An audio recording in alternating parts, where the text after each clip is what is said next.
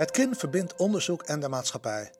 Deze zomermaand een greep uit wat er zoal gebeurt op klimaatgebied. Kennis verbindt. Vandaag in editie 26 van de KINcast. Hoe krijg je meer steun voor windmolens? De afgelopen tien jaar werd duidelijk dat windparken op land met gemengde gevoelens worden ontvangen.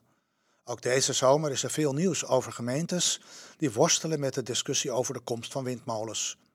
Het beschermen van kwetsbare natuur tegen de gevolgen van windturbines en zorgen over horizonvervuiling of gezondheid zijn de belangrijkste redenen voor verzet.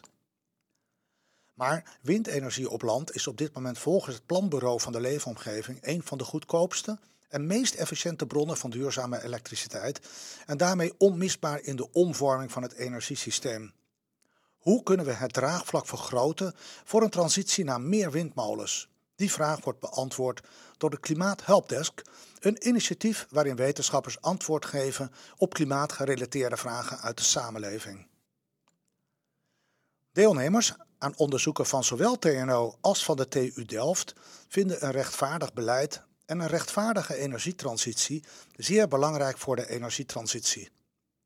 Daar zijn eerlijke procedures voor nodig. Er moet ruimte zijn voor participatie en een eerlijke verdeling tussen de lusten en de lasten is belangrijk. Omwonenden ervaren namelijk vaak wel de lasten, zoals landschapsvervuiling of geluidsoverlast, maar kunnen meestal niet mee profiteren van de winsten van de windturbines. In het antwoord van de Klimaathelpdesk is te lezen dat het zou kunnen helpen om afspraken te maken met burgers en omwonenden over hoe zij financieel aan de plannen deel kunnen nemen.